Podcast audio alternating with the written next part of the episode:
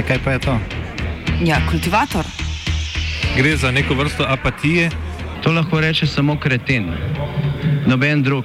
Socialni invalid in ga je ne mogoče urejati. Drugi kandidat. Pa, eh, pa pije, kadi, masturbira, vse kako hoče lahko počne. Nihče tega ne ve. Vsak petek skultiviramo dogodek tedna. Lahko po kriterijih radio študent, težko pa po evropskih kriterijih. Ampak na drug način, kot vi tu mislite. Kultivator vedno užge. da pač nekdo sploh omenja probleme, ki so in da pravzaprav sploh nekdo sproži dogajanje uh, v družbi. To drži, drži.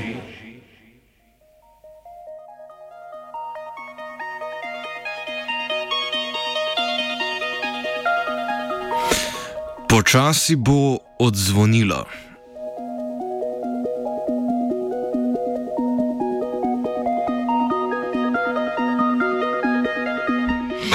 Konec septembra se zaključuje javna razprava o osnutku dolgoročne podnebne strategije Slovenije do leta 2050. V osnutku je med drugim zapisano, da bo Slovenija do leta 2050 podnebno neutralna in na podnebne spremembe odporna družba na temeljih trajnostnega razvoja. Izluščimo lahko nekaj ključnih besed, med njimi so ohranjena narava, krožno gospodarstvo, obnovljivi in nizkooglični viri energije, trajnostna mobilnost in lokalno pridelana zdrava hrana. Poleg tega se osnutek kiti še s krilaticami o prilagojenosti in odpornosti družbe na vplive podnebnih sprememb.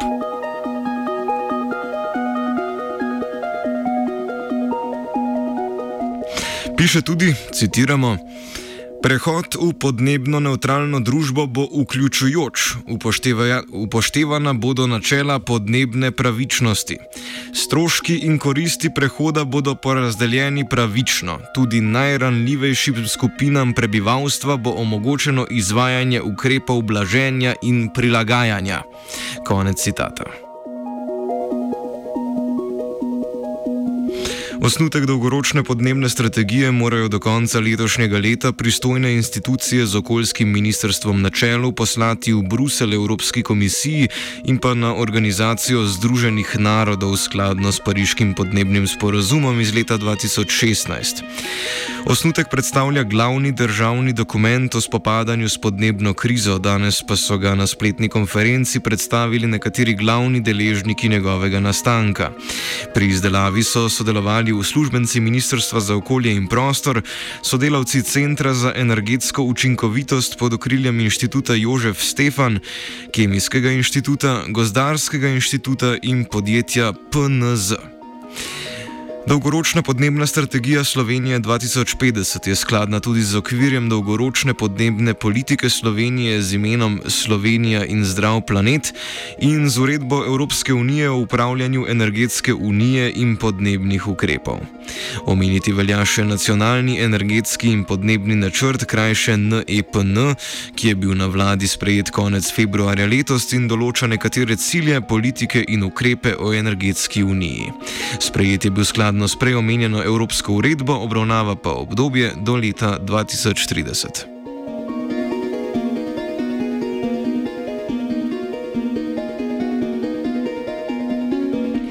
Za začetek predstavimo nekaj podnebnih ugotovitev. Od leta 1961 do 2019 se je povprečna temperatura zraka dvignila za okoli 2 stopinji Celzija. Logična posledica je dvig temperature površinskih voda in intenzivnejša evapotranspiracija. Spremembe padavin je teže zaznati in dokazati zaradi relativno velike medletne spremenljivosti količin. Kljub vsemu, količina padavin se je od leta 1961 do 2011 na ravni države zniževala. V zadnjem desetletju se je trend zmanjševanja padavin na ravni države ustavil, napovedi za prihodnost niso nič kaj spodbudne. Temperatura bo vsekakor naraščala, po najbolj optimističnem scenariju se bo tudi zaradi emisij toplogrednih plinov zvišala za nekaj več kot eno skupin, stopinjo, po najbolj pesimističnem pa za 4 stopinje Celzija. Hkrati bo naraščala količina padavin, predvsem zimskih, povečala pa se bo poletna frekventnost frekventnost izjemnih padavin. Kljub vsemu bodo poletne suše vse daljše in intenzivnejše, vse te spremembe bodo tako v osnutku neposredno in posredno prizadele dejavnosti kot so zdravstvo, kmetijstvo, gozdarstvo, energetika, predelovalna dejavnost in turizem.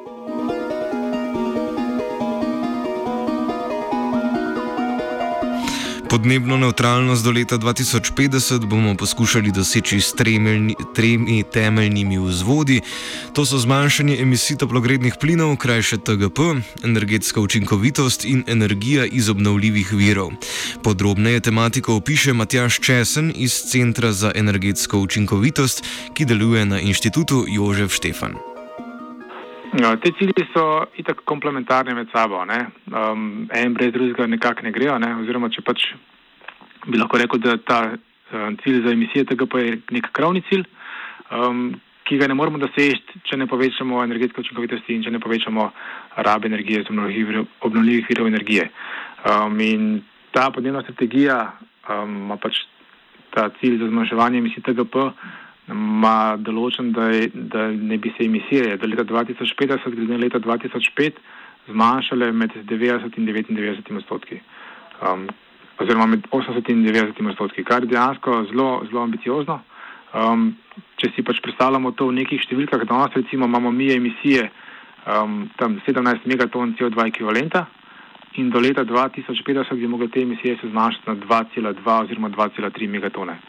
Tako govorimo res o um, velikem preskoku um, in treba se zavedati, da to pač za sabo potegne zelo velike enih stvari, ki jih bo treba spremeniti, narediti, um, kar pomeni pač veliko denarja in tudi veliko v bistvu nekako pripravljenosti um, odločevalcev, izvajalcev, nas navadnih občanov in tako naprej.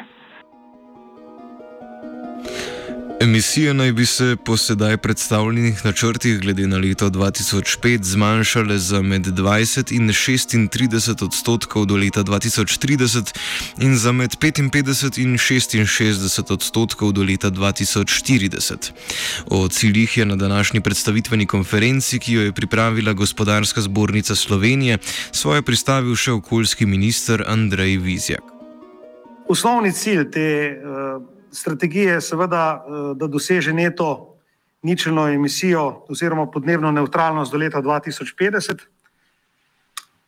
Jaz menim, da je ta cilj eh, pač lahko predstavljen kot breme marsikomu, eh, vendar gledam na to kot na veliko priložnost, da sektorske politike, da gospodarstvo, energetiko in ostale dejavnosti prilagodimo izzivom sodobne družbe, vemo, da nas bo to veliko stalo, vemo pa tudi, da je to nujno. Ne samo zato, ker pač, uh, so takšne mednarodne usmeritve, ampak zato, da ta planet uh, za namcem zapustimo v neki uh, drugi, drugačni kondiciji ali pa usmeritvi, kot smo jih prevzeli v mitle, ki sedimo. Uh, usmeritev v emisijsko neutralnost je po mojem oceni prava ne glede na to, koliko verjamemo, da, so, da je človek v zadnjih desetletjih, stoletjih povzročil usodne spremembe v okolju, ki vplivajo na podnebne spremembe. To uh, je sicer zelo pomembno, vendar ni ključno. Ključno je, da to, kar delamo uh, eh, z to strategijo, je tako ali tako potrebno uh, in dolgoročno edina perspektiva. Osnutek dolgoročne podnebne strategije do leta 2050 nadalje opisuje strategije po posameznih sektorjih. To so skrba z energijo, industrija, promet in mobilnost, stavbe, kmetijstvo, raba zemljišč in gozdarstvo ter drugi sektori, kamor sodijo odpadki in kmetijski stroji. Največ skupnih emisij toplogrednih plinov pri nas ustvari promet, leta 2018 okrog 33 odstotkov, levji delež teh predstavljajo emisije emisije v cestnem prometu kar 99,4 odstotka, železniški in letalski promet tako ustvarita za manj kot procent teh skupnih prometnih emisij. Emisije iz prometa so od leta 2005 pa do 2018 narasle za kar 32 odstotkov, te emisije naj bi do leta 2030 še naraščale. Več o razlogih za prometni primat, česen. No, mislim, da vzrokov je več. Um, prvi je mogoče dejansko neka um, naravna danost v Sloveniji. Vemo, da pač Slovenija ima daleč najbolj razprošeno poselitev um, glede na vse ostale EU države. Um, drugi je pač to, da tudi samo izvajanje ukrepov v tem sektorju v preteklosti ni bilo zelo uspešno. Vemo, da javni potniški promet v, zadnjih, v zadnjem obdobju se nekako ni izboljševal, ampak se je samo slabšal in to vse pomeni, da se je pač število avtomobilov in njihova uporaba se je poveč, povečvala in to je potem doprineslo um, k temu, da so te emisije visoke. Pa seveda tudi to, da um, tovorni promet um, se je tudi povečal. Ampak recimo v letu 2017, če pogledamo, kakšne razmerje v emisijah v prometu, potniški promet oziroma osebno avtomobili prispevajo dve tretjini emisij, tovorni promet ena tretjina emisij. In prometni cilji? Um, glede tega, kašen, kaj pomeni pač ta cilj, ki ga imamo, se pravi v prometu, bi se mogli emisije zmanjšati od 90 do 99 odstotkov je to dosegljivo ali ne. Um, projekcije so pokazale, da je dosegljivo. Um, ne bo pa se pač to doseglo samo od sebe, potrebne bojo zelo velike, um, zelo velike napori za to. Um, potrebno bo pač recimo v potniškem prometu, je, bo potrebno elektrificirati celoten ta promet, prav se bo potrebno, potrebno zamenjati goriva iz tekočih goriv, ki tam se uporabljajo na elektriko v glavnem, pa v neki manjši meri vodik. Um, Medtem ko v tovornem prometu je stvar mogoče malo bolj kompleksna, ker danes še ni na trgu nekih tehnologij, ki bi lahko dostojno zamenjale um, iz vidika zmanjševanja emisij uh, dizelsko gorivo. Ampak v projekcijah se je predpostavljalo, da bo to nek plin in potem substitut sintetični plin. Možno se pa tudi danes kaže, da mogoče bo večja verjetnost, da bo to vodik um, v kombinaciji z električno energijo. Uporaba električnih vozil, vse od osebnih avtomobilov pa do javnega prometa in tovornega prometa, bo torej predstavljala velike obremenitve za trenutni energetski sistem. Alarmanten je predvsem distribucijski sistem, ki bo potreben prenove.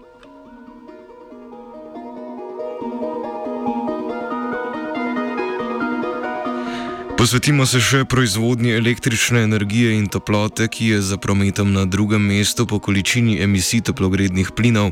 Energetski cilj je doseganje minimalnih emisij do leta 2050, umestna cilja pa sta glede na leto 2005 do leta 2030 zmanjšanje emisij toplogrednih plinov za 32 odstotkov in do leta 2040 zmanjšanje emisij teh za med 80 in 90 odstotkov.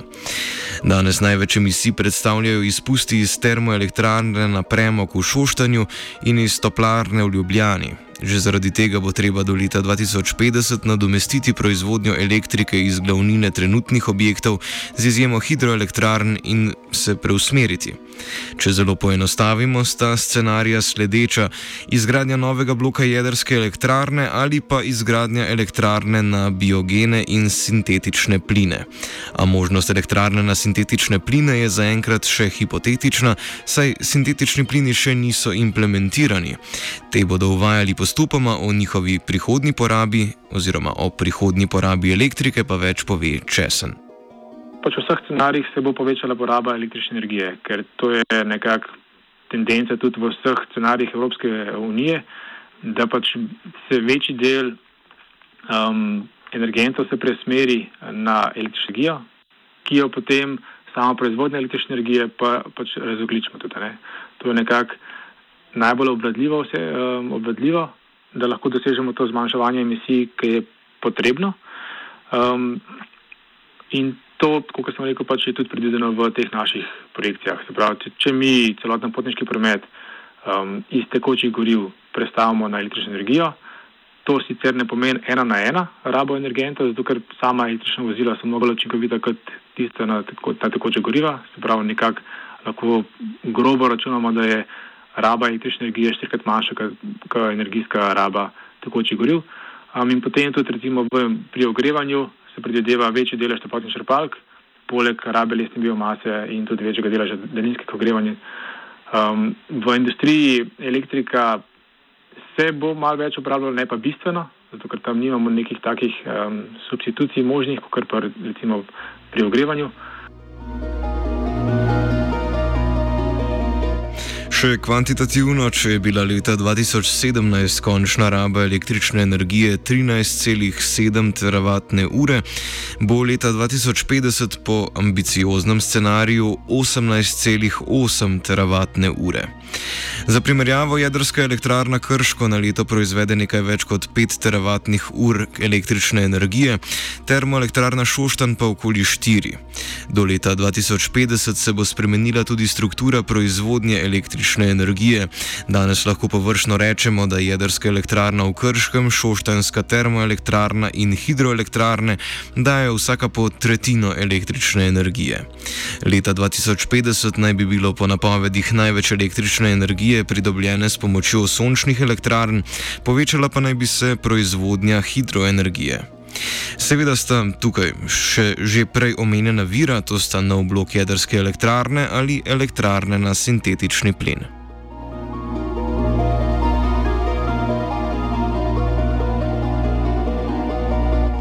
Tretji največji delež toplogrednih plinov predstavlja sektor industrije s 17 odstotki skupnih emisij.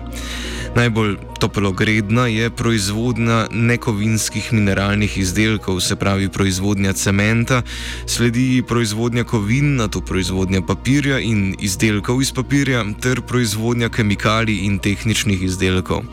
Predelovalne dejavnosti in gradbeništvo prav tako v industrijskem sektorju skupaj predstavljajo 25 odstotkov industrijskih emisij. O viziji industrijskega razvoja so v osnutku zapisali naslednje: citiramo, Doseganje minimalnih emisij v sektorju industrije do leta 2050, ob ohranjanju visoke stopnje konkurenčnosti sektorja in prehod v nizkooglično krožno gospodarstvo. Slovenija si bo upoštevajoč razsežnosti energetske unije aktivno prizadevala za postopno razogličenje industrije in zagotovitev finančnih spodbud za prestrukturiranje proizvodnih procesov z uvajanjem zelenih tehnologij. Konec citata. Ne pozabimo omeniti še razvoja industrije 4.0, ki je povezana z informacijsko-komunikacijsko tehnologijo in internetom stvari. Glavni ukrepi so učinkovitejša uporaba energije in pa zopet sintetični plin.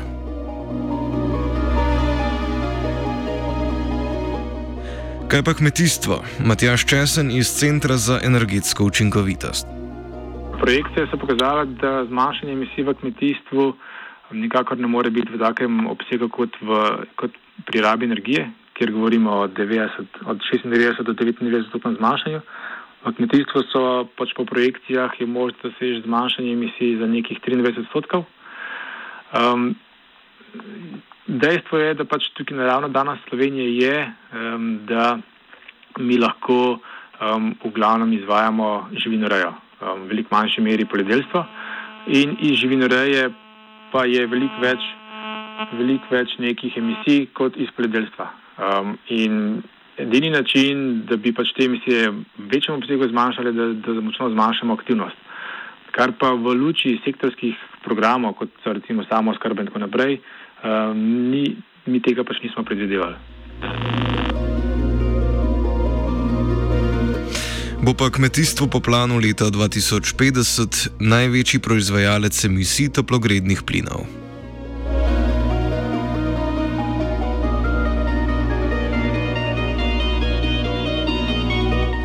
Poleg transporta se največ energije v gospodinstvih v Sloveniji porabi za ogrevanje.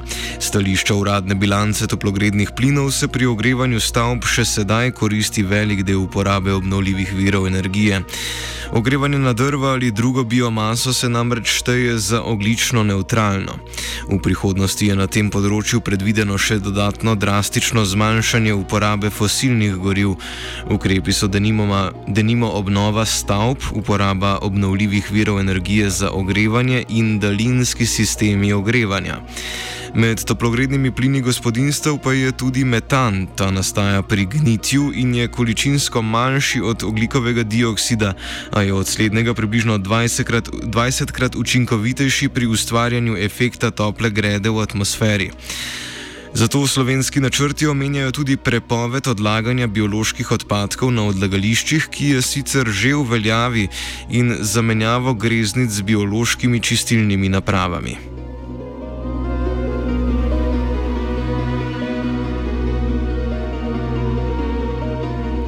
V nekaterih okoljskih nevladnih organizacijah pa so že pred današnjo predstavitvijo izrazili razočaranje nad osnutkom dolgoročne podnebne strategije. Predstavniki organizacije Focus, Društva za sonaraven razvoj, so denimo v spletnem zapisu navedli, da je strategija nezadostna glede ciljev zmanjšanja emisij toplogrednih plinov do leta 2030, da je pri sektorskih ciljih zaznati pomankljiv pristop in da bi namesto jedrskega scenarija potrebovali scenarij 100% obnovljivih virov, ki bi hkrati dal, dal večji poudarek zmanjšanju rabe energije. Tu je še dejstvo, da bo osnutek seveda še popravljen in da manjka celo poglavje o ocenah učinka socialno-ekonomskih vidikov.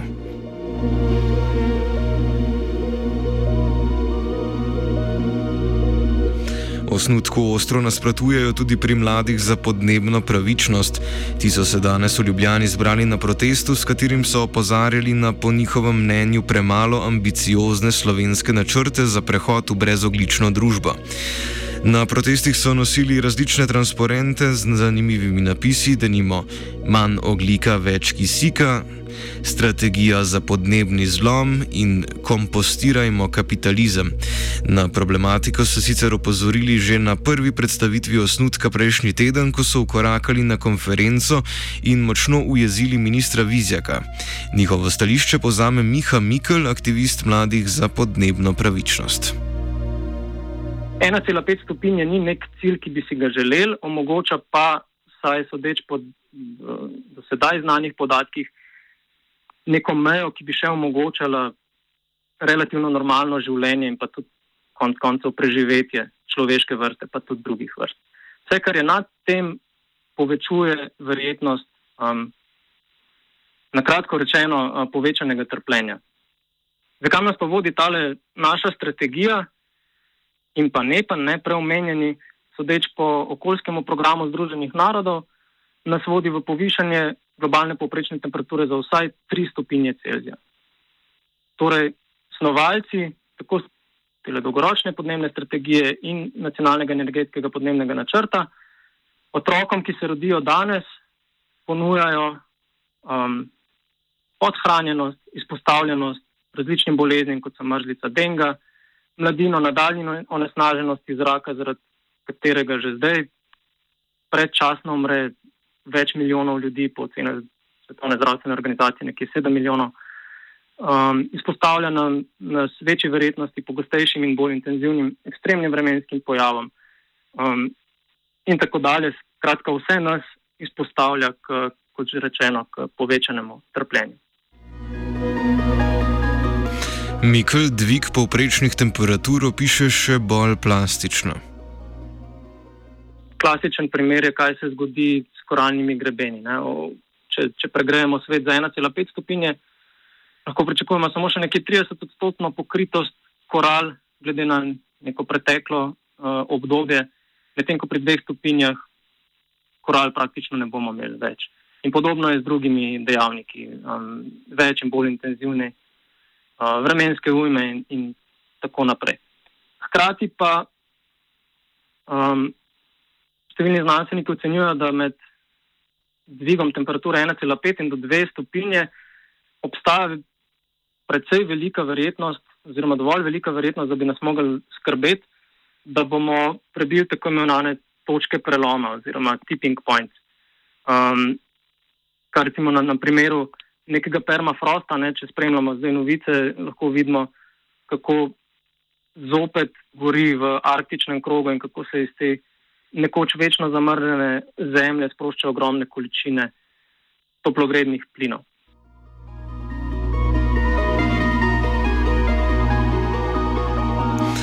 Predstavnik mladih za podnebno pravičnost za konec pove še nekaj o aktivnostih organizacije, prizna pa tudi, da odnosi med njimi in okoljskim ministrstvom pod trenutno vladno konstelacijo niso rožnati. Smo pa sodelovali že pri snovanju preomenjenega NEPNA, ne, na katerem bazira tudi ta osnutek dolgoročne podnebne strategije, um, s tem, da smo povabili strokovnjake na okroglo mizo, da bi snovali neke boljše um, rešitve. Um, hkrati smo uh, poslali na ministrstvo en dolg spisek naših predlogov, ki v večini, če sploh kakšen, uh, niso bili upoštevani. Um, in sodelovali smo tudi kasneje potem, uh, z določenimi, z nekaterimi avtori trenutne strategije, um, izrazili, pravi, imeli smo sestanke, izrazili naše pomisleke, um, predstavili pogled, ki sem ga prej omenil, se pravi, v tem ogličnem fondu. Uh, nameravamo pa poslati še enkrat tudi, um, kot že zanepan, uh, naše predloge v zvezi z dolgoročno podnebno strategijo. Ampak problem, kot sem že omenil, je, da je ta strategija v osnovi nezadostna, da, da ne zasleduje niti minimalnih ciljev. Pač minimalen cilj je omejitev dvig temperature, dviga temperature um, na 1,5 stopinje svetovne, svetovno gledano, glede na predindustrijsko dobo. Um, ambiciozen cilj bi pa pomenil, da bi pač omejili temperaturo na, na vsaj to, kjer smo zdaj. Nedvomno bo prehod v nizkooglično družbo s krožnim gospodarstvom tudi velik finančni zalogaj, a Matjaš Česen ostaja relativno optimističen. Samo financiranje bo, denar bo prišel pač um, um, od uporabnikov tehnologij, um, recimo pač ne vem, obstoječe avto, ki jih imamo zdaj, bomo mi tako primorani nekoč zamenjati in ne bomo kupili pač naslednjega dizelskega avta, ampak bo pač na elektriko. Um, prišlo bo pač tudi od industrije, ki bo mogla um, investirati v nove tehnologije, um, prišlo bo pač od um, države um, in bo pač tudi, um, tudi vemo, da tukaj Evropa zelo veliko nekega denarja namenja za um, ta energetski prehod za zmanjševanje emisij in vsega, kar pač smiselno ta denar tudi izkoristiti. Mi smo v okviru tega projekta, kjer smo pač delali analitične podlage za strategijo, smo identificirali, da je obseg investicij med 66 in 72 milijardami in da največ v bistvu investicij odpade recimo na prometno infrastrukturo, ki pripomore tudi k temu, da se neki drugi cilji dosežejo in pa tudi um, infrastrukturo za distribucijo električne energije.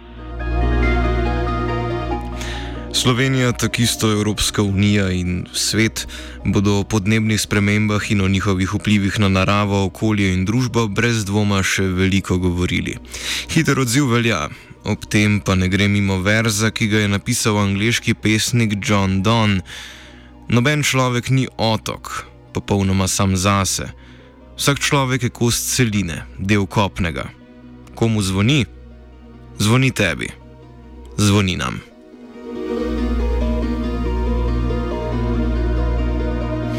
Kultiviral je urh.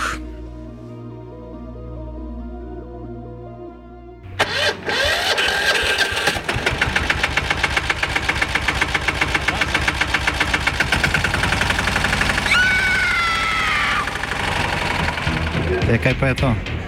Ja, kultivator. Gre za neko vrsto apatije. To lahko reče samo kreten, noben drug. Socialni invalid in ga je ne mogoče urejati. Drugi kandidat. Pa, pa pije, kadi, masturbira, vse kako ti človek počne, nihče tega ne ve.